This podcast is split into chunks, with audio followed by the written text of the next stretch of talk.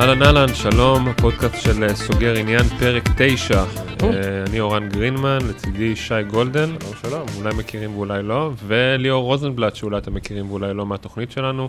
ערב טוב. מגיש, אה, אחד מגישי פינת טכנולוגיה, ומגיש עוד פינה שאנחנו קוראים לה שיעורים מהאלפיון העליון, זה כל מיני לקחים ושיעורים לחיים שאפשר ללמוד מעשירי העולם והאנשים הכי מצליחים מעולם העסקים. והרגשנו שיש שם איזה משהו שאפשר טיפה להרחיב עליו, כמו שאנחנו אוהבים לעשות פה בפודקאסט, ואמרנו בוא נעוף על זה כאן אה, היום. אה, אז אנחנו בעצם הולכים לתת עשרה שיעורים לחיים אה, שאפשר ללמוד מהאנשים הכי מצליחים בעולם, מכל מיני תחום, אה, תחומים, אה, וליאור, אתה תוביל את זה. אה, בוא תספר קצת למי שלא מכיר אה, קצת על עצמך, אה, על הרקע שלך, מאיפה באת, לאיפה אתה הולך. אפשר, אה, האמת, אה, אתה יודע, אפשר להתחיל את זה יחד עם ה... כבר עם, ה... עם הסעיף הראשון. אתה יכול אה, לחבר את זה ולשלב את זה איפה שאתה רואה לנכון. נחבר את זה ככה, כי ביזמות יש כללים אחרים. ואני זה מישהו שעבר על הבשר את ה... תכלס, את ה... להיות, להיות האחד בכללים האחרים, אוקיי?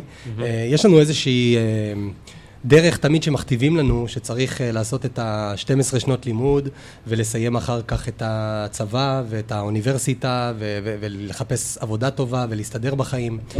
ויש הרבה אנשים שהם לא במסלול, ואני אה, אחד כזה, אחד כזה שגדל בבית שהוא לא קל. אה, יש לי שני הורים חרשים, אתה מדבר על שגדלתי... שפת הסימנים? אני דובר שפת הסימנים, לא ברמה מקצוענית, אבל אני, כן, דובר מתקשר שפת איתם, הסימנים, אבל מתקשר באופן מלא איתם, אתה- כן, כן. לחלוטין. אתה גדלת גם בבית אה, חרדי. לא, אני גדלתי בבית אה, חילוני מסורתי. אה, הייתה- אה, יש תקופה בחיים שהתחזקתי אה, ביהדות והתקרבתי לדת, לשורשים. זה לא, זה לא אה, היה מההורים, אבל. זה לא מההורים, תהליך לא, זה עברת. תהליך שאני עברתי. כן. אמ, והאמת היא אה, שאני ב- בשנים האלה שאני גדלתי כ- כילד עם- עם המגבלה הזאת, אתה יודע, זה זה עדיין מגבלה שיושבת עליך, אה, בתור אח בכור לשתי אחיות קטנות, הייתי צריך בעצם להוביל את הבית, להיות התחליף לאבא ואימא.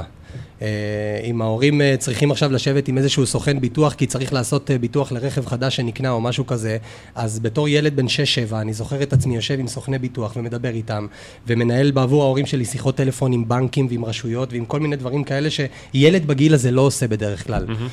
ואת כל הדברים האלה מאוד קל לקחת למקום של קריסה.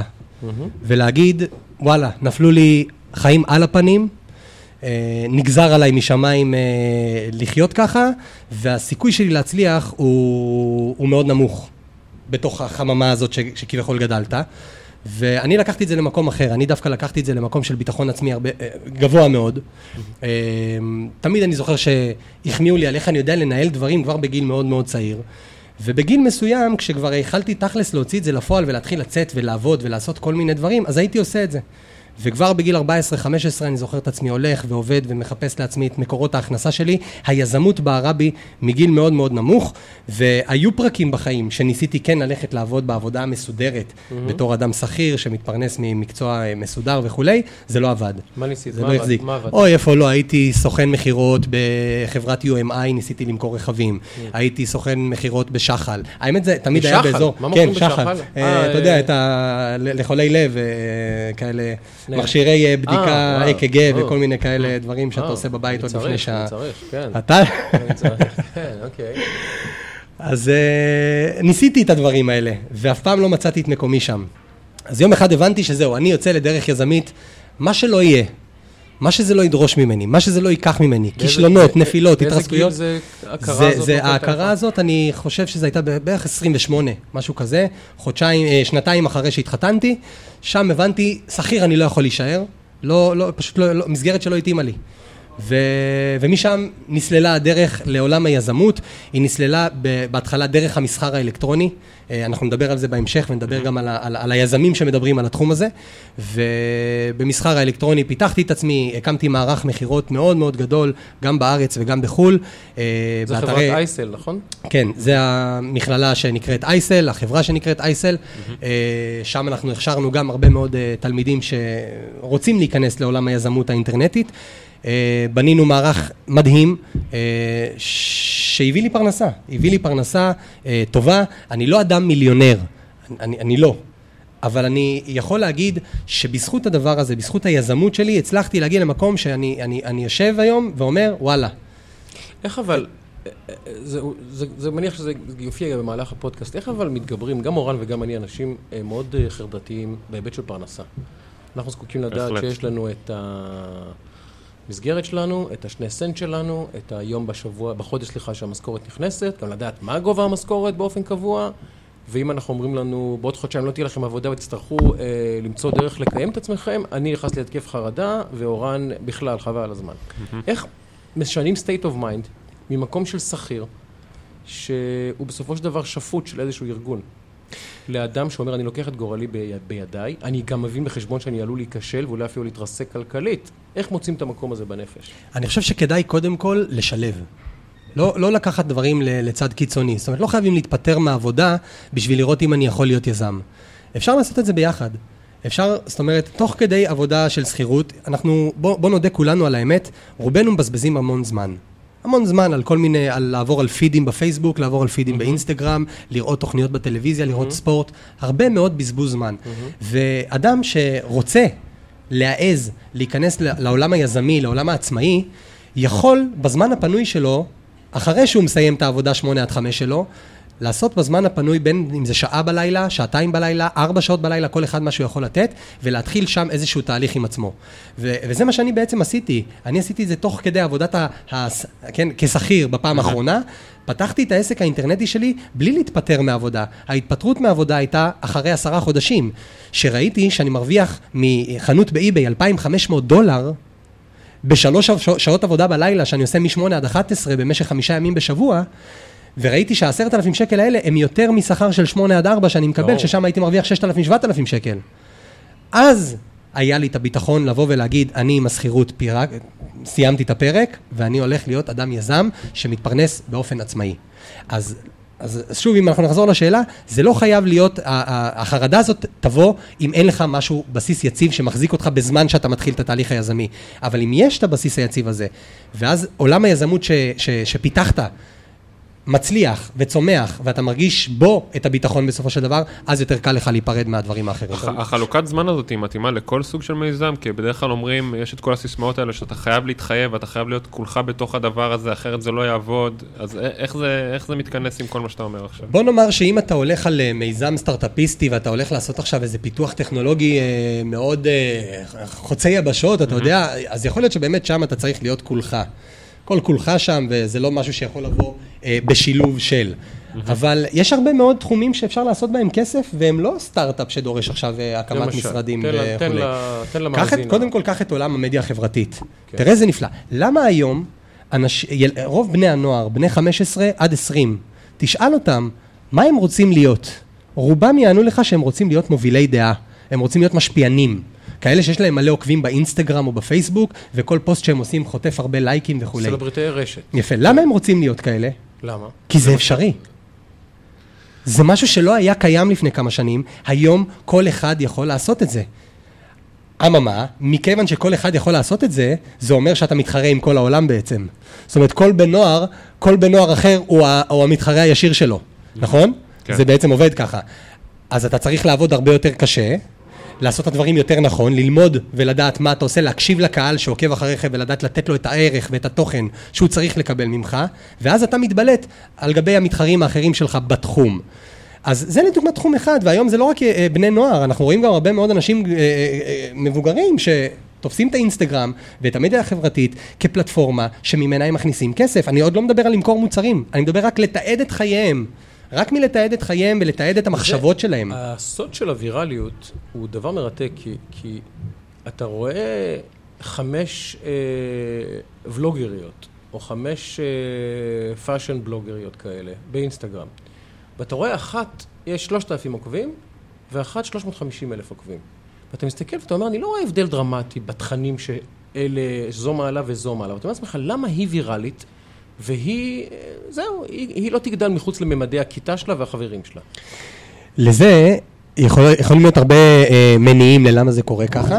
אה, אחד מהם זה כשאתה רוצה לבנות קהילה עוקבת, קהילה שתקבל ממך את התכנים שאתה מעביר להם, אתה צריך להיות מעורב בקהילה.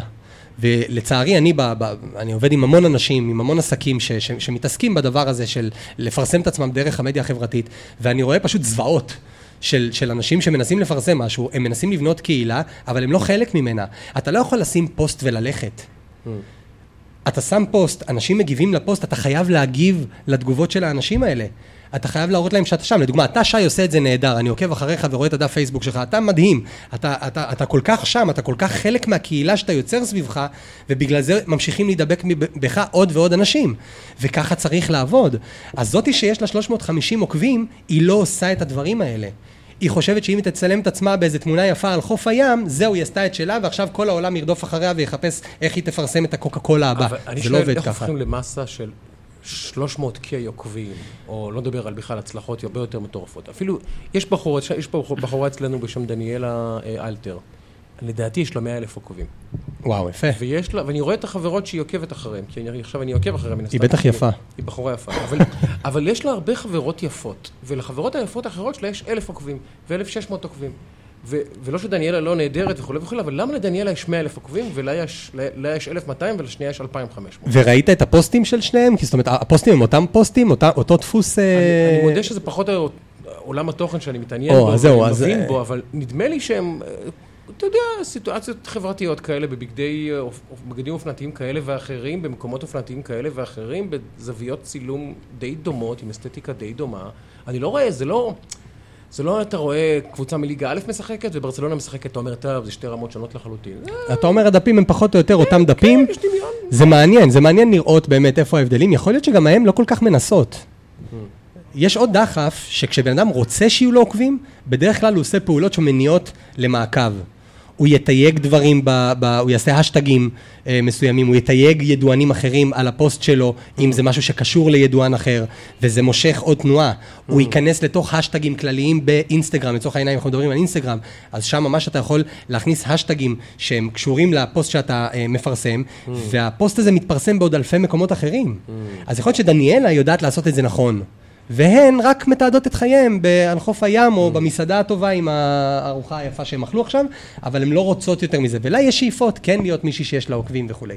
אז... אה, טוב, אה, אנחנו מנסים להיות ספונטניים והכול, אבל כן. ולא להיות דידקטיים מדי, אבל אנחנו הבטחנו עשרה שיעורים לחיים שאפשר לקחת מהאנשים הכי מצליחים בעולם. אז בוא נתחיל מהראשון, אתה אמרת שהוא קשור כבר לסיפור האישי שלך, כן, אז, אז, אז, בוא ננסח את זה. אז אני כשנכנסתי למסחר האלקטרוני, הלכתי ללמוד את זה. Mm-hmm. ויש המון אנשים שמנסים להיות יזמים, והם חושבים שהם יעשו את זה מחצי סרטון ביוטיוב. Mm-hmm. זה לא עובד. אתם רוצים לעשות משהו? לכו תלמדו אותו, בין אם זה קורס של שבוע, בין אם זה קורס של שנה, לכו תלמדו את מה שאתם רוצים לעסוק בו. ווורן באפט, לדוגמה, אחד מהדברים שהוא אה, אה, ממש תמיד מדגיש וחוזר על עצמו כל פעם בעניין הזה, זה העניין של education.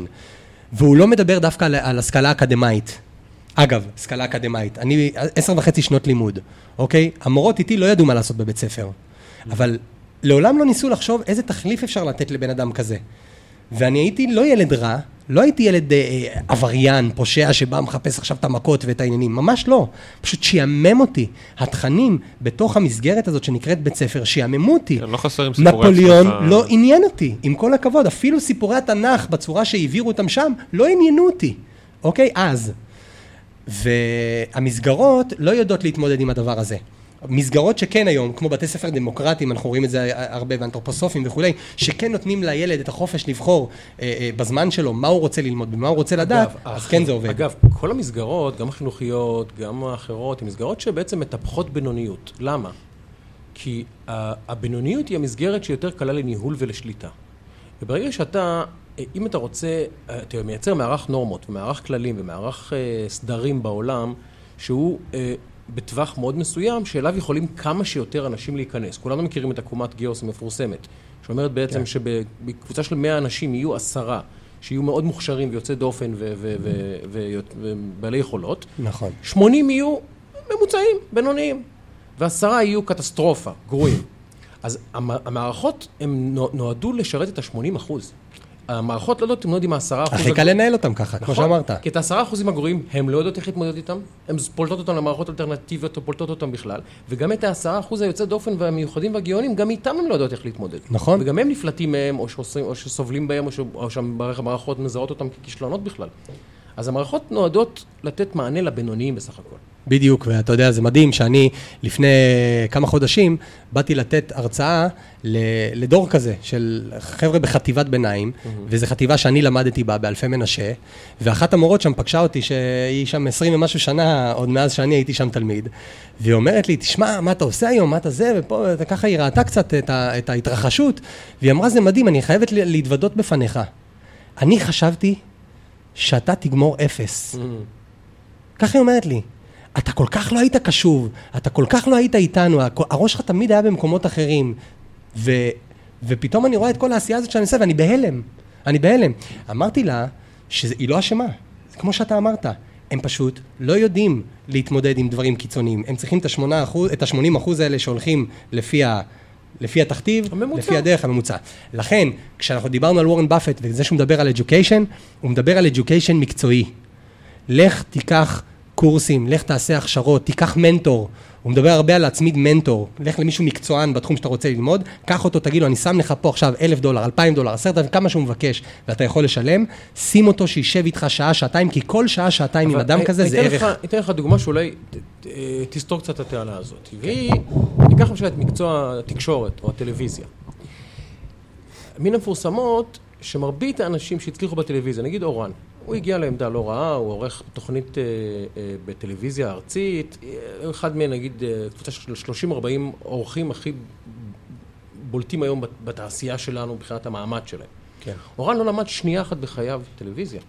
הוא לא למד. הוא התחיל כתחקירן, ואחר כך כעורך משנה וכולי וכולי. למדתי למד- בחוג לתקשורת, אבל הוא כן, היה מאוד תיאורטי, הוא לא היה מעשי, לא לא לימדו אותי איך לנהל שידור ואיך לבנות תוכנית וכולי. יש פה ברשת בית ספר, שהוא בית ספר מצוין, ויש בו מורים מצוינים, אבל מרבית הסטודנטים שלו בסוף לא משתלבים בתעשייה והופכים להיות עורכים ומפיקים וכולי וכולי.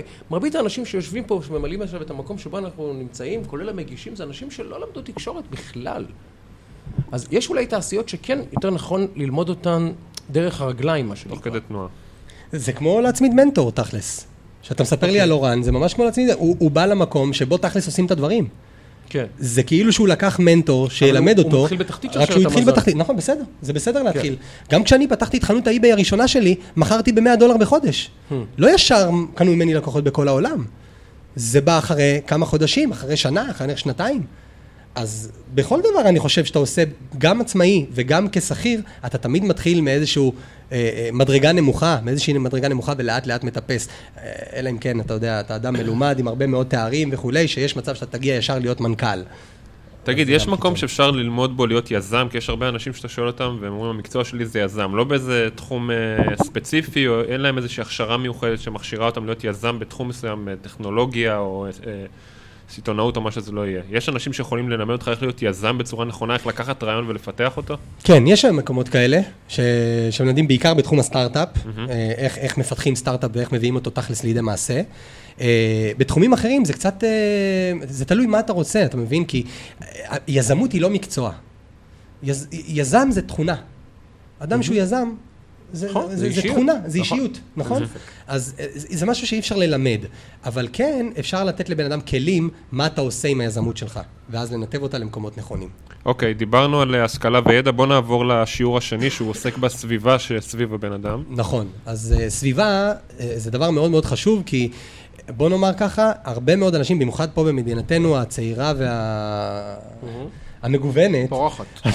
פורחת, פורחת. קצת קשה להגיד, אבל uh, תסכים איתי שיש פה הרבה מאוד אנשים שאוהבים להתלונן. זה הספורט הלאומי הרי. הספורט הלאומי שלנו, להתלונן ולהתבכיין, וקשה לי, ואני לא גומר את החודש, והמדינה, וככה, והממשלה. וכשאתה נמצא בסביבה כזאת, שאתה שומע את הניגונים האלה כל הזמן באוזן, זה יכול להיות ההורים שלך, זה יכול להיות האחים שלך, זה יכול להיות חברים בעבודה, זה מוריד אותך.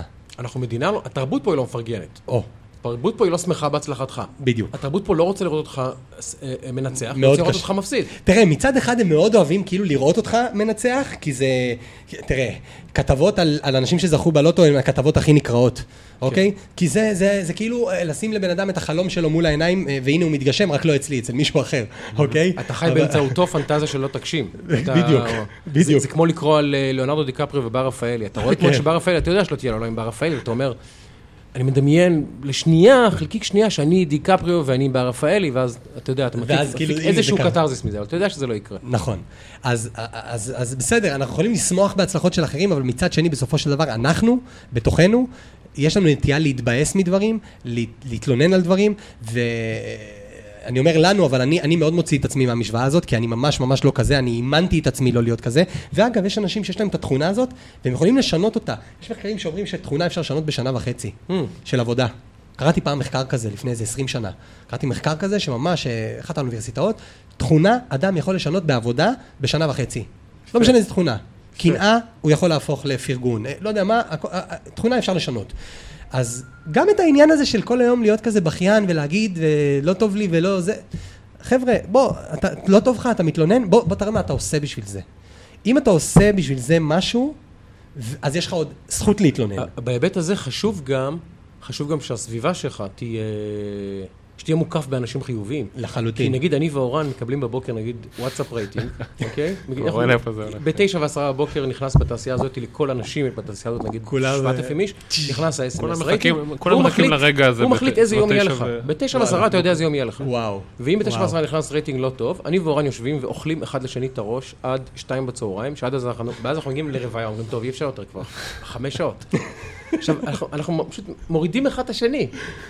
והוא מוריד אותי ואני מוריד אותו, ואנחנו ביחד צוללים למעמקים מזלכם שאתם לא מנהלים עסק ביחד. ולתהומות, אוקיי, ברור. לא, זה לא בדיוק ככה. כל יום יש את השוטר המדוכא והשוטר האופטימי.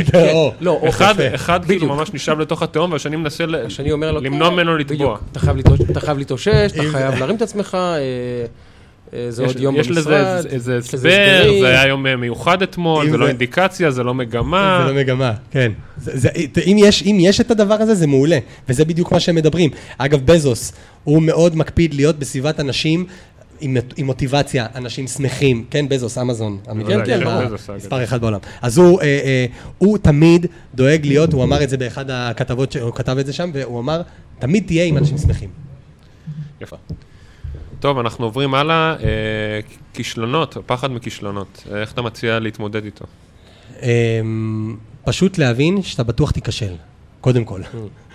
כשאתה בא ליזמות, אתה חייב לדעת שיש כישלונות. אה, אה, זה כמו בכדורגל, כן? שחקן ש, שבועט לשער, אז ודאי שהוא מחמיץ, אבל הוא גם מבקיע, אבל אם הוא לא בועט לשער, אז נכון שהוא לא מחמיץ, אבל הוא גם לעולם לא יבקיע. כמו המשפט הזה של אה, ג'ורדן. גרצקי, לא יודע, כבר כל אחד מזה? למשל, אתה מפספס אה, 100% מהזריקות שאתה לא לוקח, או אני ממש בפרפרזה על זה, אבל... לא. לג'ורדן יש משפט אחר, הוא אומר שהזריקות הכי חשובות בחייו הן הזריקות שהם החטיאו, כי בגללם הוא למד לקלוע את הזריקות האחרות. או. זאת אומרת, הוא היה צריך להחטיא זריקות או. של שנייה אחרונה, כדי להיות מסוגל לקלוע משחקים אחרים, זריקות של שנייה אחרונה. והאמת, האמת, לארי אליסון, כן. אמ, אה, דיברנו על אה, ריצ'רד ברנסון באחת התוכניות שלנו, אה, וורן באפט, מי עוד היה שם ברשימה, אמ, ברח לי מהראש, אבל אני, נותן לכם פה לפחות חמישה אנשים שהיו על סף פשיטת רגל. כן. לארי אליסון, אליסון, הוא, אה, ש- עיקלו לו שני בתים, כשהוא פתח אז את אורקל, כן? שני בתים, עיקלו לו את הבית השלישי האחרון שהיה לו, הוא היה רגע לפני עיקול, ועסקה האחרונה עם ה-CIA הצילה אותו מהסיפור הזה. זאת אומרת, האנשים האלה נפלו נפילות מה, עסקה עם דרסטיות. מי? עסקה עם מי? CIA. כן. CIA, כן. אה, אתה יודע, הוא מפתח. אה, חברת תוכנה, אז הוא עשה איזה... מכר להם אה. שירות, וזה מה שהציל אותו. הוא היה על סף להיזרק לרחוב. זאת אומרת, אתה רואה שהמוצלחים ביותר ידעו להיות גם הנכשלים ביותר ברגעים מסוימים בחיים, ואני חושב, גם אני נכשלתי, המון. יש דברים שעשיתי שהם טעויות, שהלכו לי כספים ונשפכו לי כספים סתם במהלך החיים העסקיים האלה. כי אתה כל הזמן מקבל הזדמנויות, במיוחד כשאתה מישהו שהוא, שהוא בפרונט, כאילו, שם את עצמו במקומות אה, כמו מדיה חברתית וכולי, אז תמיד באות אליך הצעות. זה כמו מגנט כזה. אתה עושה פוסט, ארבע דקות אחר כך הדף שלי בפייסבוק מקבל את ההודעות הפרטיות. תגיד, מעניין אותך להיכנס להשקעה כזו וכזו, תגיד, מעניין אותך לבוא ולעזור לנו להרים כזה וכזה מיזם וכולי. ומדי פעם אני לוקח דברים שנראים לי מעניינים, Mm. והם לא מצליחים תמיד. אז הלך פה סיבוב של 20 אלף שקל, הלך סיבוב של 80 אלף שקל, ויכול ללכת גם סיבוב של 400 אלף שקל. אבל זה בסדר, כל עוד אתה יודע שזה חלק מהרוטינה של יזם, ליפול ולקום וליפול אבל ולקום, בוא, אז שוב, הכל טוב. בוא שוב אני אכניס אותך לראש של אנשים כמוני וכמו וכמו אורן.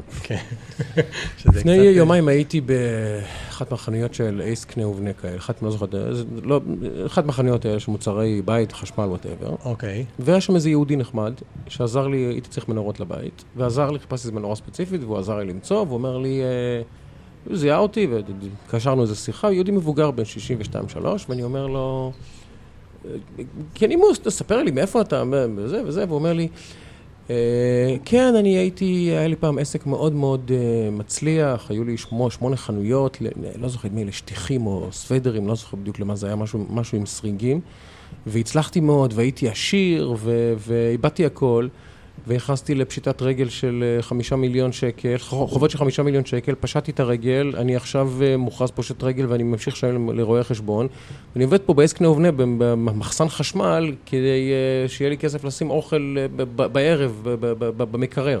אז אנחנו, רואים, אנחנו רואים אותו, אנחנו לא רואים את לארי אליסון.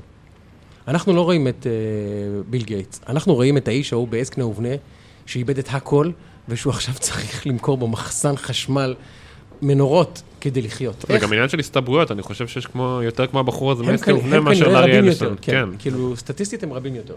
אמ, איך, את, השד הזה מגרשים? את הפחד הזה מגרשים? אמ, אני לא יודע, אולי נולדים עם זה.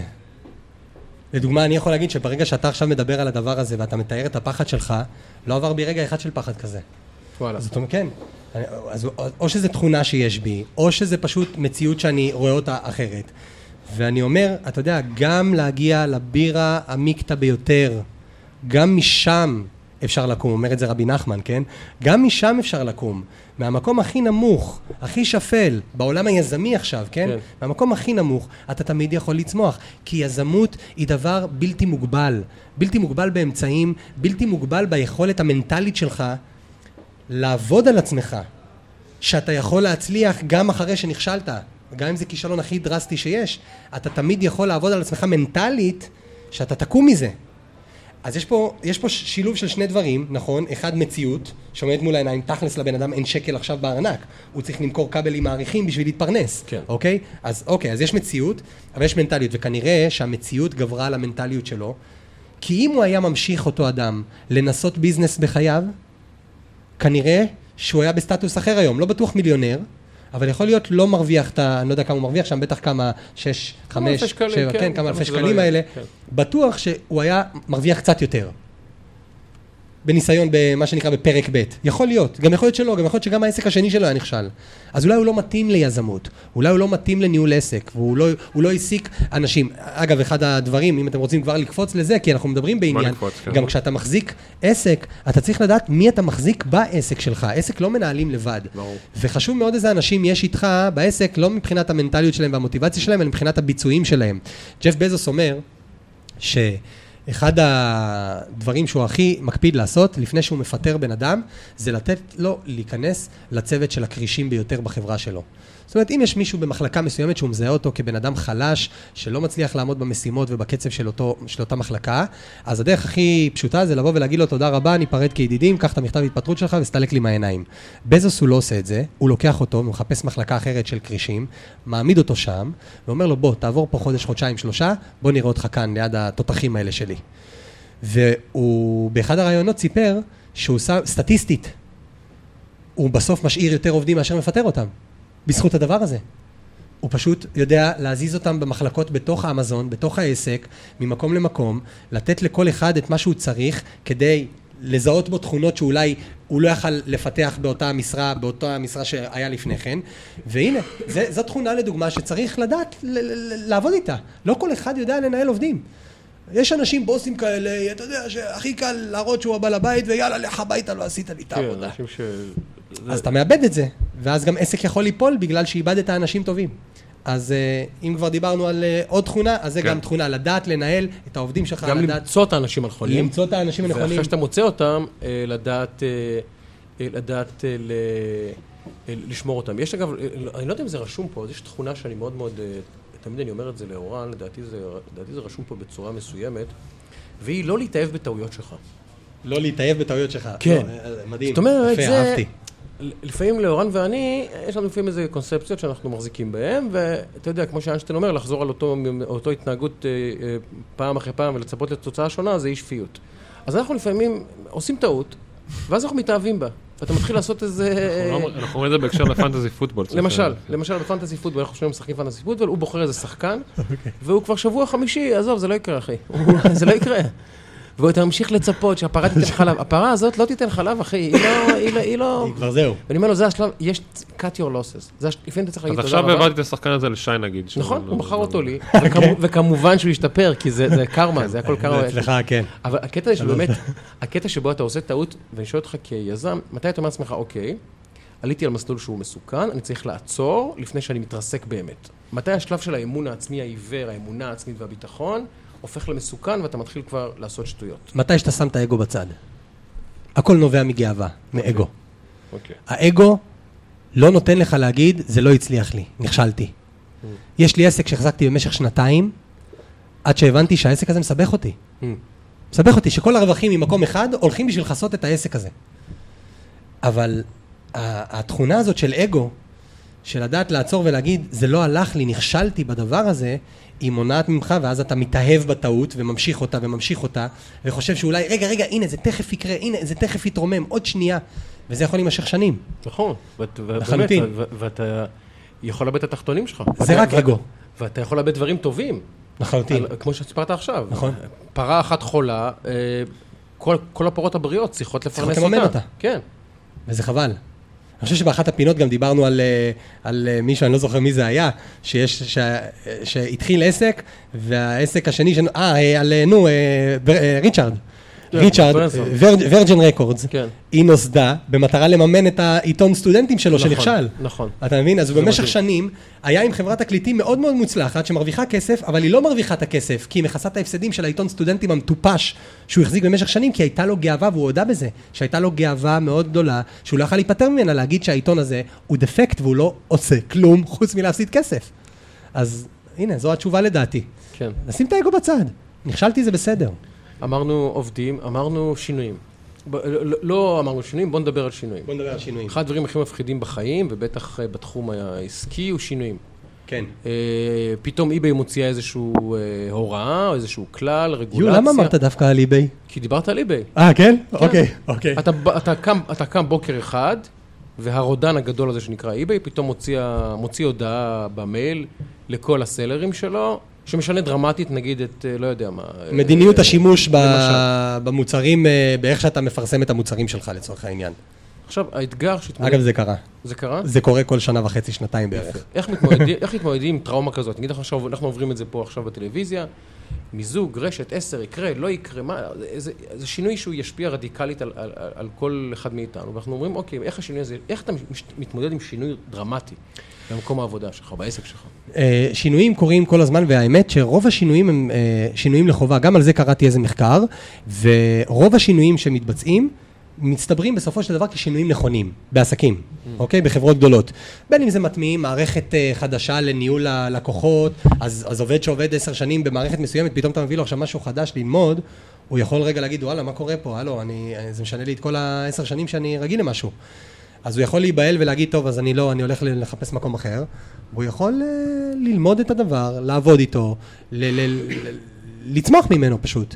והאמת שדיברתי עם uh, חנוך פה, נמצא איתנו, הוא היד ימיני פה בכל העשייה, ובדיוק לפני כמה ימים הוא אמר לי, תשמע, באים כל מיני תלמידים שאני מדבר איתם, שלמדו אצלך, ואומרים, תשמע, אי-ביי עכשיו עשה שינויים לאחרונה, לפני ממש כמה חודשים, עשה שינויים מאוד מאוד רציניים, ו- ושלושת רבעי מהאנשים שעסקו והיו להם חנויות, פשוט עזבו את הביזנס. בגלל הדבר הזה, כי הם חושבים שאין יותר סיכוי להצליח. הרי זה מטופש. מה נראה לכם שאתר של 20 שנה, רגע, מה היה השינוי שגרם לכל כך הרבה אנשים לעזוב? שינוי? באיך שהמודעות עכשיו באי-ביי הולכות להיות מוצגות כמו באמזון, למי שבקיא בהבדלים בין איך שמודעות, אה, תוצאות חיפוש מופיעות באי-ביי לעומת אמזון, ידע על מה אני מדבר עכשיו. אוקיי. אז יש שינוי באיך שזה מופיע. כביכול, מהצד, זה נראה לך כמוכר שעכשיו יש לך פחות סיכוי למכור. אבל אני אומר לאנשים, תגידו, מה נראה לכם? שאתר אי-ביי, מה, רוצה לראות לעצמו עכשיו את הכדור האחרון ולגמור את העסק? הרי ודאי שכל שינוי כזה, יש לו תכלית, וברוב המקרים התכלית היא לטובת ה business. והטובת ה business זה טובת המוכרים, כי אי-ביי מתפרנס מהמוכרים שמוכרים שם. אז נגיד, אז נגיד, הבהלה זה גם תכונה. אז נגיד, אז, אז, אז, מעניין, כי נגיד פייסבוק שינתה עכשיו את האלגוריתם שלה, ואני אני מרגיש את זה, וכולנו מרגישים את זה. כן, פחות אה, לייקים, אה? הרבה פחות חשיפה כן. לפוסטים שלנו. עכשיו, אני, אם הבנתי נכון, פייסבוק חיה מפרסום. נכון. פייסבוק שלי יש 50 אלף חשיפות, יש לה 50 אלף זוגות eyeballs שיחשפו לפרסום. אבל אתה לא מפרסם. אני לא, אבל, אבל יש לה עכשיו, יש, יש לה, יש לה, אתה אומר יש לה בכל מקרה page views, לא מעניין אותה אם זה אצלי, אבל- אצלך או אצל דוד? בממומן ידידי, הם לא נגעו בכלום. אוקיי, הממומן לא נפגע. זה ברור. מה אבל אני שנפגע... אומר, למה אני, שאני כן. ג'נרייטר של content ושל page views עבורם, נכון. למה, למה, למה לפגוע בי? אני הרי, לא, אני הרי לא רואה גרוש מזה. אתה גם לא מראה להם גרוש מזה. נכון, למה, למה לא רואה גרוש? מה אתה מראה להם? אתה מראה להם כסף מ- מזה שאתה מפרסם פוסט ויש לו 1,500 לייקים?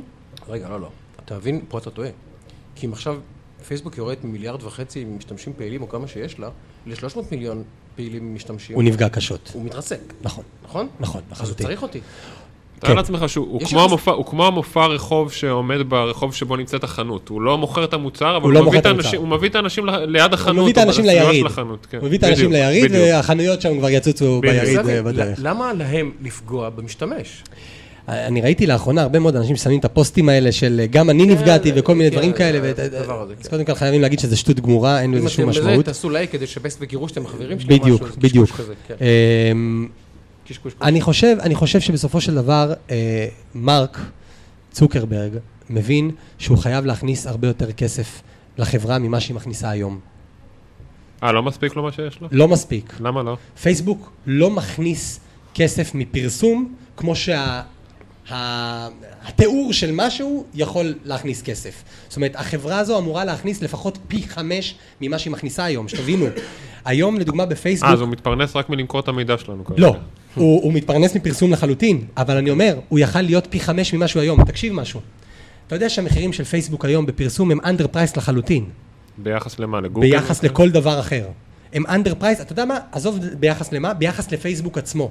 ביחס לכמות חשיפה שיש בפייסבוק, המחיר היום, אם אני משלם היום על פוסט שלי שאני שם, אני משלם ב- לדוגמה בערך שלושה ארבעה שקלים לחשיפה של אלף אנשים. הפוסטים שכתוב- עליהם ספונסר. כן, ספונסר אוקיי. ממומן, כן. אלה משלמים עליהם כסף. כ- כמה זה עולה? איך זה עולה? מה- איך זה, הולך? זה, זה, עולה, זה עולה לדוגמה, אה, אתה משלם, אה, זה תלוי באיזה תחום אתה עובד, כן? אבל בוא ניקח איזה average כזה, זה בערך חמישה שקלים אתה משלם כדי להיחשף לאלף אנשים. וחשיפה זה מה? חשיפה זה רק כשבן אדם רק ראה אותך על הפיד, ראה. עין ראתה על הפיד, אוקיי. זה הכל. לחץ, לא לחץ, זה כבר נדבר אחר כך. אוקיי. אבל קודם כל ראה, נחשף, שם את זה מול העיניים שלך, אוקיי? עכשיו, למה המחירים הם כאלה? תכל'ס זה בדיחה, כן? חמ- חמ- חמישה שקלים לאלף אנשים, כל מפרסם חוטף את זה. ולמה זה עדיין underpriced? כי זה אמור להיות 30 או 40 ש"ח לאלף אנשים, כי הגדולות עדיין לא שם. טויוטה עדיין לא מפרסמת בפייסבוק.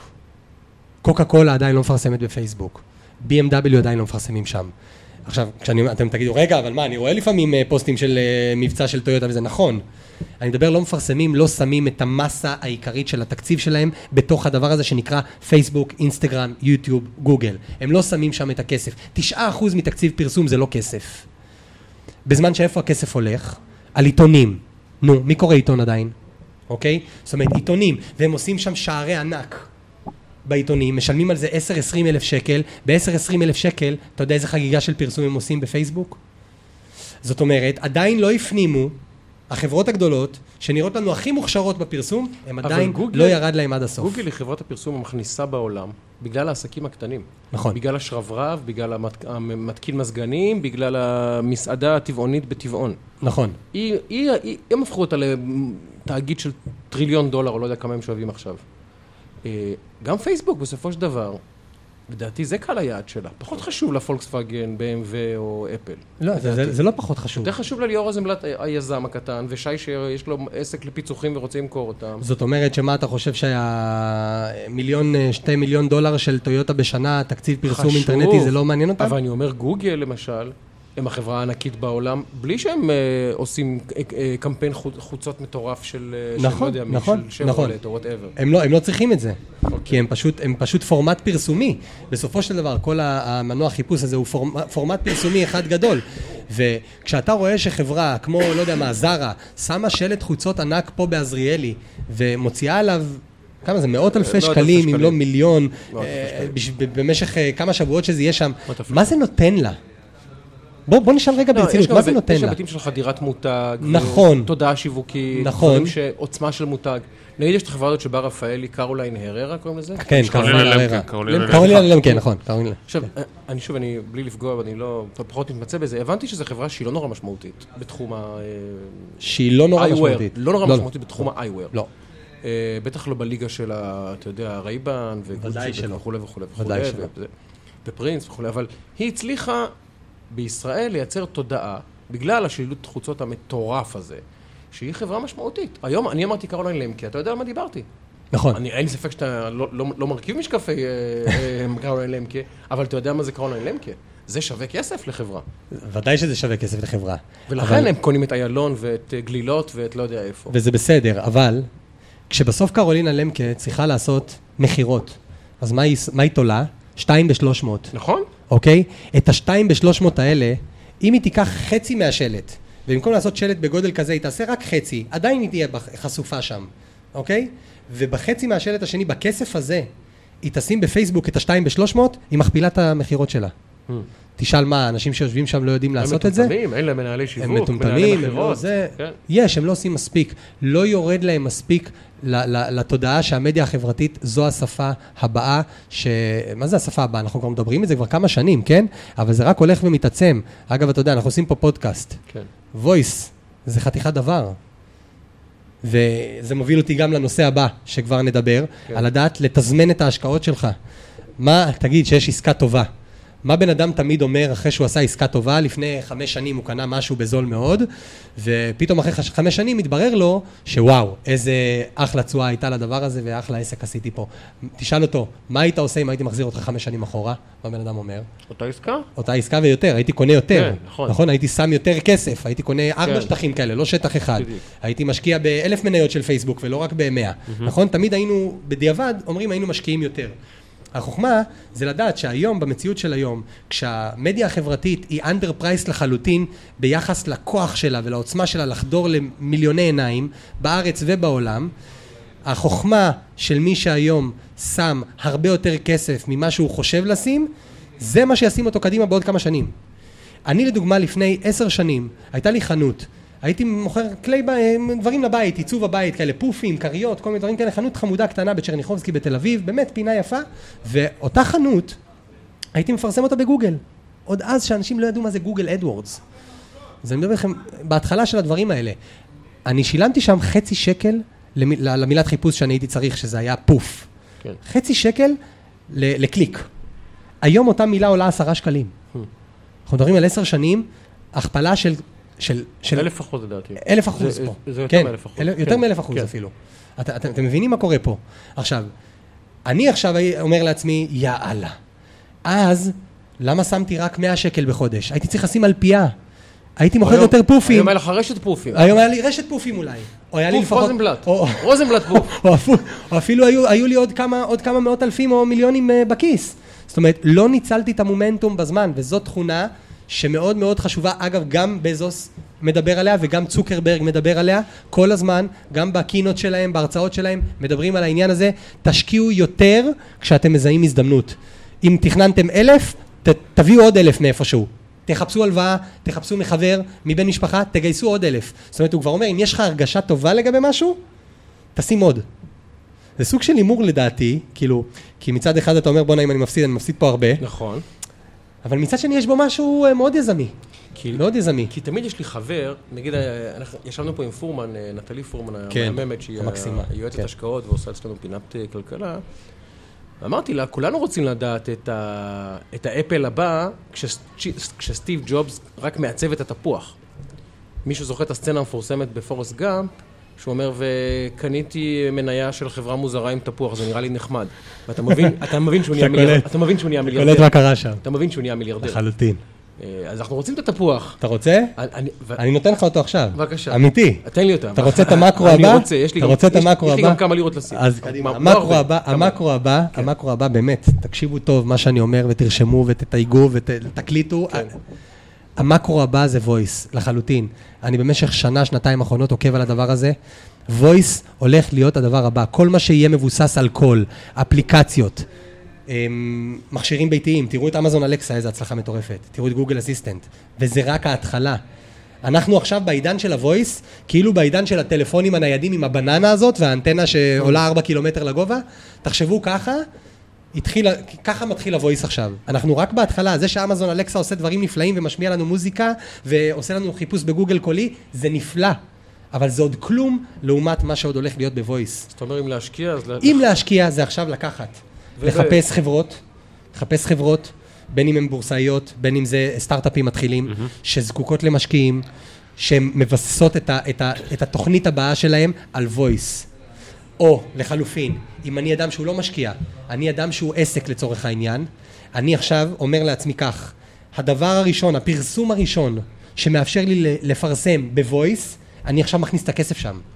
ולמה? כי כשפרסום בוויס יתחיל, הוא יהיה underpriced. כי לא יהיה לו מספיק כוח פרסומי, נכון? מה זאת אומרת פרסום בוויס? תחשוב לדוגמה שאמזון אלקסה, כן. שיושבת אצלך בבית, פתאום תטפטף לך פרסומת. אני אומר לה, אדם, אז אני אומר לה, סליחה, אני- אומר, סליחה, אלכסה, please play עומר אדם. אוקיי, ואז מה היא- עושה? ואז לפני זה מושמע ג'ינגל של 30 שניות של פרסומת לביטוח ישיר. אני אומר לה, אבל אלכסה, shut the fuck up, אני רוצה את לא, עומר אדם, לא רוצה את הביטוח ישיר. ככה- הטכנולוגיה עובדת. אני מנגנת לך את זה מספוטיפיי או מיוטיוב, ושם משמיעים פרסומת עכשיו. והפרסומת הזאת היא פרסומת קולית, היא voice. תהיה שם עכשיו, כי זה underpriced. זה טוב, לזהות הזדמנויות. רש- רשמנו לנו את זה, אני רוצה. voice לחלוטין, זה המקרו בואי הבא. נתקדם, כי הזמן אני- שלנו אני- פה כן. מתחיל ל- ל- אני רוצה לגבור. רגע להסתכל, נגיד, לצורך העניין, על הפודקאסט הזה בתור אה, מוצר. מה, מה עדיף לעשות כשאתה יוצא עם מוצר חדש אה, לשוק? אתה רוצה להיות מתורגת ככל שניתן לקהל ספציפי, או שאתה רוצה לראות רחב, וכרוחב היריעה, מי שזה יתחבר אליו, למוצר שלך, שייכנס. עומק. אני אוהב את העומק. עומק, כלומר להיות מתורג- לעומת- מתורגת. כן, למה? למה? עומק באינטראקציה הוא ממיר הרבה יותר. כשאתה עובד על עומק, אתה רואה יותר מכירות, אתה, אתה רואה יותר התעניינות, בין אם זה מישהו שמפרסם פוסטים באינסטגרם והוא ממקד את הפוסטים שלו למישהו, לקהל מסוים, הוא מקבל הרבה יותר אה, אה, אה, תגובות מאשר סתם לעשות משהו להמונים. אנשים רוצים, אתה יודע, עכשיו באינסטגרם נהיה חזק הדבר הזה של אה, לשלם על בוטים. שמעתם את הדבר הזה? לא. יש דבר שנקרא בוט. בוט זה מין תוכנה אה, שמתלבשת. על תוכנת האינסטגרם שלך, על החשבון אינסטגרם שלך. זה לא רק באינסטגרם, זה ברשתות חברתיות בכלל, אתה משלם. ללייקים עכשיו, ב- בטוויטר, נכון, אתה יכול בפייסבוק, לקנות כביכול מקום. לייקים, כן. אבל הבוט הוא חכם. הוא פועל כמוך, הוא הולך לישון 4-5 שעות בלילה, כדי לתת לאינסטגרם תחושה שזה לא בוט, שזה באמת אתה. אז הוא 4-5 שעות בלילה בשעה פחות או יותר, פעם את עצמו. ב-12, פעם אחת, מרדים את עצמו, מתעורר בבוקר, מתחיל לעבור על פוסטים, משאיר לייקים, משאיר תגובות. עכשיו, איזה תגובות הוא משאיר? אה, לייק כזה, אייקון- אה, אה, של, אייקון לייק. של לייק, אוקיי? או בדיוק. wonderful, האם, זאת תגובה ראויה לפוסט שאהבתי? לחלוטין לא. האם מזה שאני אגיב עכשיו למישהו לייק כזה, הוא, הוא יתעניין בי? ממש לא. אבל אם אני קורא את הפוסט שלו, ואני מבין מה הבן אדם פה שידר, ואני חושב איזה ערך אני יכול לתת לפוסט שלו בתגובה שאני ארשום לו עכשיו, אני ממוקד עליו, נכון? הוא יחזיר לי או מעקב, או תגובה, יהיה פה כבר משהו, יהיה פה איזשהו חיבור. אבל נגיד מה, מה עדיף? עדיף לקחת פודקאסט כזה ולעשות אותו נטו על יזמות, מכל ההיבטים האפשריים, כל מיני אנשים וזה, או לעשות אה, פודקאסט שהוא נו- נוגע כל אה, שבוע בנושא אחר, כמו שבינתיים לפחות אנחנו עושים פעם אחת אה, ספורט, פעם אחת יזמות, פעם אחת שוק ההון, פעם אני אחת... חושב שזה הרבה יותר מעניין. שזה? בכל מיני, שזה, בכל, שזה דווקא בכל מיני תחומים. לא, אתה יכול להעליב אותנו אם אתה חושב שזה... לא, לא, נכון. אני, אני- אני דווקא, אני, לא, אני באמת חושב. שזה מעניין, כי שוב, קודם כל אנחנו פה, אה, אנחנו, אני לא יודע, זה מיוצג כאילו תוכנית טלוויזיה, נכון? כן. אנחנו מייצגים את התוכנית פה. התוכנית היא, היא, היא, היא, כל פרק של התוכנית הוא מאוד מגוון, יש כן. בו הרבה פינות, מ- נכון. ידע בכל מיני דברים, נכון? אז ככה צריך להיות גם הפודקאסט הזה. הוא צריך לגעת בכל מיני נושאים, כי העוקבים של התוכנית הם עוקבים שמתעניינים בכל מיני תחומים. אז זה בסדר, זה בסדר. אבל אם הייתם מנסים למכור עכשיו לצורך העניין, אוקיי. דברים אחרים שקשורים ביזמות, אז כן, אז לא שייך עכשיו לדבר על ספורט. אז שוב, מה, מה הקהל שלך? הקהל שלך פה בפודקאסט הזה הוא להגיע לכמה שיותר אנשים ולמגוון של אנשים, וזה בסדר. בוא נמשיך עם אה, עוד, אה, עוד שני, שני יש לנו עוד-. יש לנו זמן לעוד שניים, כן. לדעתי זה אה, יאגע אותנו. אני מאוד אוהב את, ה, את הדבר הזה של אה, ניהול זמן. אוקיי, חשוב. ניהול זמן זה משהו מאוד מאוד חשוב בעסק, וכל יזם סופר מיליארדר ועד הקטן ביותר, יודע שבלי לנהל את הזמן שלו נכון, אה, הוא מאבד חצי מהמומנטום של העסק שלו. נכון. וניהול זמן יכול להיעשות בהרבה מאוד דברים, זה קודם כל מתחיל בתכונה הכי הכי חשובה בעולם, וזה משמעת עצמית. בלי משמעת עצמית אי אפשר לגשת לזה. אתה יכול ללמוד קורסים לניהול זמן, אבל אם אין לך משמעת עצמית לעשות באמת תכלס, להכניס ליומן גוגל שלך את הפגישות שלך ואת המשימות שלך, זה לא יקרה. דבר נוסף שקורה בניהול זמן אצל הרבה מאוד אנשים, זה שהם נבהלים כשפתאום יש בלת"ם. אבל בלת"מים הם חלק מהחיים שלנו. זאת אומרת, זה שאני עכשיו הכנסתי איזושהי משימה מסוימת ביומן, וזה שיש לי איזו פגישה מסוימת, ואם קרה עכשיו משהו אחר שהוציא אותי מהשגרה הזאת, זה בסדר לדחות, זה בסדר לבטל, זה בסדר לעשות את הפעולות האלה, לא חייבים להיצמד למה שרשמתי על הדף או ביומן, אה, אה, זה חייב להיות דינמי, אבל מצד שני צריך להקפיד ולעשות את המשימות. עוד דבר מאוד מאוד מומלץ, אתם זוכרים את הפנקס של יודלה שהיה רושם תמיד את החובות של אפשר החבר'ה? לשכוח, איך. אפשר לשכוח, נכון? כן. אז הפנקס הזה, לדוגמה, לי יש כזה דבר, שהוא פנקס לרעיונות. כי הרבה פעמים כשאנחנו יושבים עם עצמנו לבד, בין אם זה אדם שנוסע בנסיעה ברכבת, או עומד באיזה פקק, או עומד ומחכה לתור איפשהו, תמיד הראש שלנו, הגלגלים מסתובבים. ו... וזה גם קשור בניהול זמן, כי כשאתה, יש לך איזה רעיון בראש, ואתה רושמת אותו, אחרי שרשמת אותו, אתה בא הביתה, פותח את היומן, אתה גם מכניס אותו לביצוע. כי אם הוא לא ייכנס לביצוע, הוא יישאר בפנקס הזה, והוא ייכנס איתך לבית הקברות. הניהול זמן אתה מדבר ברמה היומיומית של משימות קטנות, או שאתה מדבר על להציב לעצמך, אני רוצה תוך שנה לעשות איזשהו גיוס, אה, גיוס ראשוני זה של... גם. אה, יש היום כל מיני כי זה יכול להכניס אותך לאיזה... לחלוטין. אה, לא, כי זה, אני אומר מבחינה פחות טובה, אם אתה מציב לעצמך את היעד הזה, ואז אתה לא מצליח לעמוד בו, אתה מכניס את עצמך לאיזשהו סחרור ונלחץ וכולי וכולי. אז מצד שני, אני יכול לבוא ולהגיד לך, שאם אתה תעבוד עם כלים מקצועיים לדבר כזה, אם אתה צריך כזה דבר, יש היום כל הסלאק וכל ה... אתם מכירים את ה... יש, יש. יש כל מיני אפליקציות כאלה, אה, תוכנות לניהול, לניהול משימות בצוותים, ב- במקומות עבודה, בארגונים. זה תוכנות סופר חשובות, אסנה, סלאק, יש את מאנדיי, אני חושב שהיא חברה ישראלית, היה איזה גם כן איזה בילבורד ענק אה, שם באזור הבורסה עליהם. הכלים האלה הם בעצם נותנים לך להכניס משימות לביצוע וגם לתעדף אותם לפי סדר עדיפויות. זאת אומרת, לבוא, אם יש לך עכשיו פרויקט שאתה אומר, יש לי רעיון יזמי שאני הייתי רוצה בשנה הקרובה לעשות אותו, אז אתה מכניס את זה שם לרעיון לשנה הקרובה. ואז פעם בחודש יקפוץ לך התזכורת על הדבר הזה, מה קידמת פה ברעיון הזה? האם הצלחת אה, לעשות? יש עבדתי דברים פעם כאלה. במעריב עם אה, בחור בשם גל אוחובסקי. אה, מוכר. אני ערכתי מוסף, הוא ערך איזה מוסף אחר, ולפני הרבה שנים, אנחנו כבר, אראה אותך כמה אני זקן. וגל אוחובסקי היה screen saver, זוכרים שהיה screen saver שהיה רץ טקסט על המסך? השורה הזאת? כן. זכור לי כן. משהו במעורפל. כן, כן, כזה כן, קטע כזה. בווינדוס, נו, אתה כן, לא זוכר? שרץ טקסט על המסך. היה לך אפשרות לבחור או את הנקודות, כן, את הזה, את והיה לך גם הגרפיקה, טקסט. והיית יכול לרשום כן. טקסט, נכון. והטקסט שלו היה מדהים. היה, מה עשית בשביל גל אוחובסקי היום? הופה. זה היה טקסט בשבילו. לא בשבילך, לא בשבילי, לא בשביל ליאור, בשבילו. מדהים. כל פעם שהוא ישב והמסך נרדם, המסך שאל אותו, תגיד לי, מה עשית היום בשביל גל אוחובסקי? לא מה עשית היום בשביל מעריב. לא מה עשית היום בשביל המוסף. לא מה עשית היום בשביל uh, הבוס שלך. מה עשית היום בשביל גל אוחובסקי? כמה זה חשוב אה, בניהול זמן, זה גם רשמתי פה, הסעיף האחרון, אולי אתה הרמת לי להנחתה, זה להישאר גם אה, איש משפחה איפשהו. כן. למי שמנהל משפחה ולמי שלא, אז להישאר איש שיש לו חיים חוץ מהיזמות שלו והעבודה שלו והמרדף אחרי ההצלחה היומיומי הזה. כן להשאיר זמן לאהבות שלך, לתחביבים שלך, אסור להזניח את הדברים האלה. אדם שאוהב לראות ספורט, אני לדוגמה ספורט לא מוותר. נכון. תצחק עליי, אבל נכון. אין משחק של מכבי תל אביב שאני לא עוצר את הכל ורואה אותו. תקשיב, מה שאני ואורן ניסינו לעשות פה. ביום ראשון, יש לנו תוכנית ביום ראשון. שאנחנו שנינו אוהבי פוטבול. פוטבול מתחיל לצערי ביום ראשון בשמונה בערב. ואנחנו מצלמים בתשע וחצי עשר. ובאנו למות. כן, עכשיו, אנחנו הפכנו אה? פה עולמות, תקשיב, אני, לא צוחק, הגעתי לדרגים מאוד גבוהים בחברה, כדי לשנות את כדי זה? לנסות שביום ראשון ייתנו לנו לצלם בשעה שבע. ואין, לא הצלחתי. לא הצלחת. אבל זה, זה, אתה- זה אתה ברמה? הזאת. אז כן, אנחנו רואים רק כן. שש שעות פוטבול ביום ראשון במקום שבע. כן. לא, רק- פשוט. ממש תרחם ארבע- עליכם. ארבע במקום שבע. לרחם. עליכם. כן. אז טוב, אז אתם, אתם לפחות נהנים ממה שאתם רואים, אני רואה עדיין כדורגל ישראלי, די מכור לזה, אבל שוב, גם בכדורגל הישראלי, בואו, זה רק מכבי תל אביב, אבל אה, אני אפשר- מתגאה בזה, אפשר כאילו, לסיים כן? את הפודקאסט עכשיו, נכון? אפשר-. אפשר לסיים את זה עכשיו. אבל כן. אני מתכנן את הקורסים, אני עושה קורסים, אז כן, אז אני מתכנן קורס, אין מצב קורס ביום אה, של, משחק. כאילו, אני משנה לוחות זמנים בקורס, כי זה דבר שאני לא מוכן לוותר עליו. שלא נדבר על משפחה. משפחה, זמן, עם ילדים, עם אישה, הדברים האלה חייבים. ומה מה עשית היום בשביל גל אוחובסקי הזה? זה כל כך נכון. כי כשאנחנו במרדף יזמי, מאוד קל לשכוח מהכל, ורק לראות ching ching ודולרים מול העיניים, ולחיות החלום הזה של יום אחד אני אהיה מיליונר, ו- ודורסים אנשים בדרך, שוכחים מאנשים בדרך, ויכולים להיות אנשים מאוד משמעותיים בחיים שלנו. חברים, משפחה, נכון. צריך לשים את זה על השולחן ולא לשכוח את זה אף פעם, נכון. גם אם צריך להכניס את זה ביומן. עם מה נסיים? מה שורת הזהב? עם מה נסיים? טוב, אתה יודע, אם מדברים על אה, זה, אז כבר אה, נגענו ב...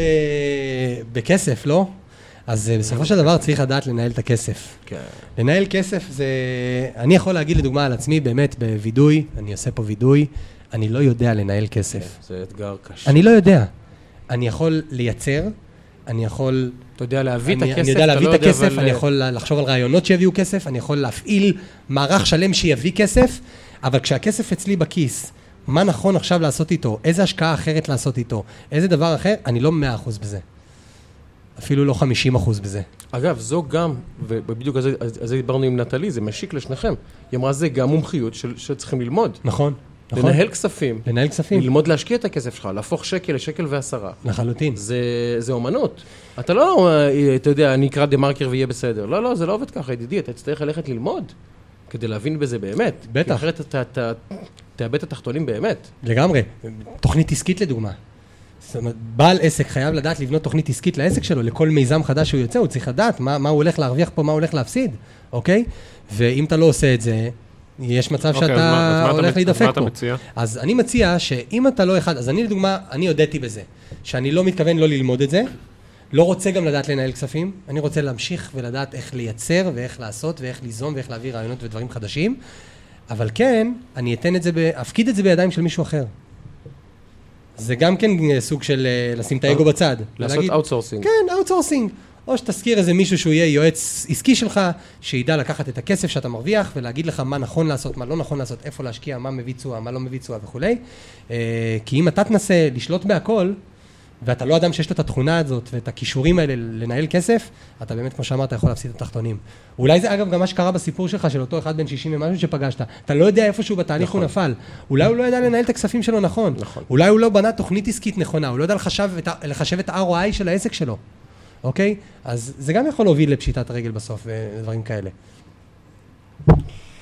איפה מי שרוצה לשמוע יותר, לדבר איתך, להתייעץ איתך, להשכיל, איך הוא, איך, הוא, איך, הוא, איך הוא פוגש אותך? אז יש פייסבוק, ליאור רוזנבלט. אז יש פייסבוק ויש אינסטגרם, ששם בעצם אני מעביר מסרים גם ביוטיוב, אני מעביר שם מסרים שהם, אתה יודע, לתת לאנשים קצת אה, אה, ערך, למי שבאמת מעניין אותו עולם היזמות, לתת לו שם ערך ליזמות, לדעת איך הוא צריך לכוון את הדברים כשהוא עושה יזמות. אה, אני מלווה היום גם הרבה מאוד עסקים שרוצים תכלס להביא לפרקטיקה. אתה יודע, בעל עסק עכשיו לא מעניין אותו לראות פוסטים של ליאור רוזנבלט הנחמד באינסטגרם, ברור. שמלמד אותי תכונות של אה, לנהל זמן וכולי, אלא הוא רוצה פרקטיקה, הוא רוצה תוצאות בשטח. אז אני היום מלווה הרבה מאוד עסקים בתחום הזה של מסחר אלקטרוני, של מדיה חברתית, מנהל קמפיינים לחברות וכולי. אז אה, זה, זה, זה המקצוע שלי, מזה אני חי, וכמובן עושה את זה לעצמי ולביתי, גם בדברים שלי. אני מנהל מוצרים משלי באמזון, אה, שאני מוכר. אה, עושה קודם כל מה שנקרא הלחם מה אתה והחמאה. מוכר באמזון? או, יש כל מיני דברים, אה, גם באי-ביי, גם באמזון אני מוכר בתחום הדנטלי. מה אתה אומר? איך כן. הגעת לזה? אתה יודע, תשמע משהו מעניין. נכון שעושים השתלה, אז יש כזה, יש בעצם, זה, זה, זה, זה קרמיקה, זה בסך כן. הכל, זה בלוק קרמיקה, כן. בסופו של דבר, אוקיי? אז בואו תראו רק מה הכוח של היזמות. אני קונה היום בלוקים כאלה, שזה מגיע בקופסה של חמישייה. אני קונה את הבלוקים האלה, זה הבלוק הזה בעצם נכנס למכונת שיוף כזו, שמשייפת לפי הצילום שן שעשו לך כן, מראש, כן. ואז יוצא את השן. אני את הבלוק הזה קונה בפנמה, בלי להיות בפנמה פעם אחת בחיי אפילו, קונה בפנמה מספק, שולח אותם לארצות הברית למחסן שיש לי שם, ושם יש לי עובד שאורז את ההזמנות, ושולח אותם ללקוחות הנחמדים שקונים ממני באי-ביי. מי הם אותם לקוחות? יש לי שלושת אלפים רופאי שיניים שקונים את החומר גלם הזה, כי הם צריכים לעשות השתלות שיניים ללקוחות שלהם. למה שהם יקנו ממך אבל ולא מפנמה? אה, הם קונים, אה, הם לא, הם, זה הסורס. אוקיי. את הסורס, לא כל אחד יכול אה, אה, לא- לזהות ולהגיע אליו. החוכמה הייתה לזהות את הסורס, אז אני איך זיהיתי את הסורס. איך הגעת לרעיון הזה בכלל? מא- מאיפה אתה מגיע לרעיון של לקנות אה, בלוקים של קרמיקה בפנמה, שאחרי זה... מדהים. ולהיות המידלמן בדרך לרופא שיניים? זה רק להיות בזון. ברגע שאתה בזון, באים אליך דברים. פשוט יום אחד דפק אצלי בדלת, יותר נכון, שלח לי הודעה בטלפון, איזה אדם חרדי מארצות הברית, ששמע על זה שאני מוכר ומנהל מערך מכירות אינטרנטי וכולי, ואמר לי, תקשיב, לי יש מקור חזק מאוד בפנמה, שמשם אני יכול להביא לך את החומר גלם הזה והזה. אני לא שמעתי על המוצר יז- הזה. הוא שמע שאתה הוא יזם, שמע הוא שאני דפק אצלך יזם, בדלת. הוא שמע שאני יודע. לקחת מוצר ולמכור אותו אונליין. ולא, לא הייתה את התכונה הזאת. ומה הוא רצה? הוא רצה- הוא רצה דמי תיווך על זה? הוא מוכר לי, ב, ב, אה, ב, אתה יודע, בפלוס של. אחוזון מסוים. הוא לוקח כמובן את הפרומיל הוא שלו. מוכר מהפנמיסט, הוא קונה מהפנמיסט. קונה מהפנמיסט, נות- לוקח ואתה- לעצמו איזה פרומיל, פרומיל קטן. הבנתי. זה לא ו- יאומן. הנה, כלכלה. אתה. מבין, עכשיו, מה שמדהים פה, מעולם לא ראיתי את החרדי, את האדם, הוא אדם חרדי, כן? איש עסקים כזה חרדי, אה, בריא כזה. אותו ראיתי פעם אחת בחיי, מאז נוצר הקשר והחיבור וזהו, ומאז אנחנו רק בוואטסאפים. את הפנמיסט מעולם לא ראיתי. את המחסן שלי בארצות הברית מעולם לא ראיתי. את שכר- העובד שלי, אותו? את העובד שעובד בארצות הברית מעולם לא פגשתי. איך שכרת אותו, את המחסן? יש, יש, אה, אה, את המחסן דרך אה, אינטרנט, אונליין. יש את האתרים אמריקאים להשכרה, אתה יודע, כמו שיש כן, את שתיים ו- בישראל. אבל איך אתה מתחזק. אותו? מישהו פותח אותו, סוגר אותו, מעמיד יפה, את הדברים? אז הייתי צריך, אה, הייתי צריך עובד. צריך מישהו שיעשה את זה. יש אתר שנקרא פייבר. חבר'ה, תרשמו, מי ששומע את זה, זה ש-. תרשמו. יש כמה, יש Upwork, יש פייבר, יש עוד כמה שיותר מסובכים, בוא נלך על זה, יש פרילנסר, אבל בוא ניקח את Upwork ופייבר. אם אתה רוצה עובד בכל תחום, אם בא לך עכשיו שמישהו ייקח דף A4, ירשום על זה, אני אוהב את שי גולדן, ויעלה לפסגת מגדל אייפל, יצלם סלפי עם התמונה הזאת וישלח לך את זה בוואטסאפ כדי שאתה תוכל לשים את זה באתר שלך, יש לך את זה בחמש דולר. אתה שומע, שי? בחמש דולר יש לך תמונה כזאת. מישהי צרפתייה או מישהו צרפתי יעלה עכשיו לאייפל ויצלם את עצמו עם I love שי גולדן וייתן לך את התמונה הזאת. אז ודאי שאפשר למצוא באתרים האלה מישהו שילך ויעבוד 4-5 שעות כל יום במחסן, ייכנס, כמובן שעשיתי איתו שיחות וידאו כאלה, אתה יודע, video conference, זה לא שלא ראיתי אותו בכלל, אבל תכלס, לפגוש אותו לחיצת יד, אחד מול אחד, לראות את הבן אדם פנים מול פנים, לא קרה. מצחיק. הוא עובד אצלי כבר כמעט שנתיים. מדהים. אתה ידעת שהוא זה מוכר הכוח של האונליין. ל- לא ידעתי שמייצרים קרמיקה בפנמה, לא ידעתי לא ידעתי שאפשר להביא את זה להביא את זה בדיבור ישיר ולמכור את זה לרופא שיניים ברווח ועוד לתת איזה אחוזון לבחור חרדי שהציע לי את הרעיון מלכתחילה. אני שמעתי על מישהו שקונה בירה איפשהו בחמישה שקלים ומוכר את זה בחוף בעשרה שקלים, אבל כזאת עסקה סיבובית לא הייתי יכול להגות גם בחלומות הכי פרועים שלי. גם אני, וזה רק מראה את הכוח הזה של האונליין, כמה זה לא מוגבל, כמה כשאתה שם ואתה בזון, ההזדמנויות מגיעות כל הזמן, הצעות מגיעות כל הזמן, הזדמנויות מגיעות כל הזמן. תדע לקחת אותם, לזהות אותם, לראות בהם את הפוטנציאל, ולדעת לעבוד איתן. וגם, אוקיי, אני חשבתי שכל שוק בעולם הוא, הוא כבר אה, רווי, אבל לדעתי אתה מצאת את היחיד שאיש לא הגיע אליו בשום שלב, אה, אתה יודע בשום שכשנכנסתי מקום. לזה אה, פתאום ראיתי שיש עשרות מוכרים באי-ביי שמוכרים בדיוק את אותו מוצר כמוני. של קרמיקה מפנמה? כן. לא, לא, לאו דווקא מפנמה, להם יש מקורות אולי בתוך ארצות הברית. אה, אה, התחרית במחיר? מה עשית? למה לקנות ממך ולא מדוד? לא תמיד זה הולך על מחיר שם, הרבה פעמים זה הולך על ויזואליה, איך אתה מציג את המוצר. יש לזה גם קטע, אוקיי? הנה, דיברת מקודם על אה, קרולינה למקה, כן. הם יודעים לעשות את זה טוב מאוד. את המשקף עצמו, את האיכות שלו, בואו נדבר על זה. אבל הוויזואליה של איך שהם מציגים אותו, ושהיא מביאה כאלה וכאלה ידוענים שהצטלמו עם זה איתה, עם כל השמחה הזאת, וכל נתב"ג מכוסה בשלטים שלה, אז אתה מבין, ויזואליה עובדת. אז אם אתה מציג מוצר, גם אם המחיר שלך הוא פחות טוב משל האחר, אבל אתה מציג אותו מקצועית, דף נקי, עם כל, ה, עם כל הערכים של המוצר, עם כל המפרט הטכני, בצורה ברורה, שזה חוסך שאלות ללקוח, הוא ייתן לך עוד עשרה דולר, כי הוא ירגיש שהוא קונה ממישהו מקצוען. Hmm. ולא ממישהו שעשה איזה על הדרך, שאנשים מצלמים, שמים מוצר, מצלמים אותו על איזה שולחן פינת כן, אוכל בבית. מק- מקווים לטוב, מי יקנה נו, את זה? מי יקנה את זה?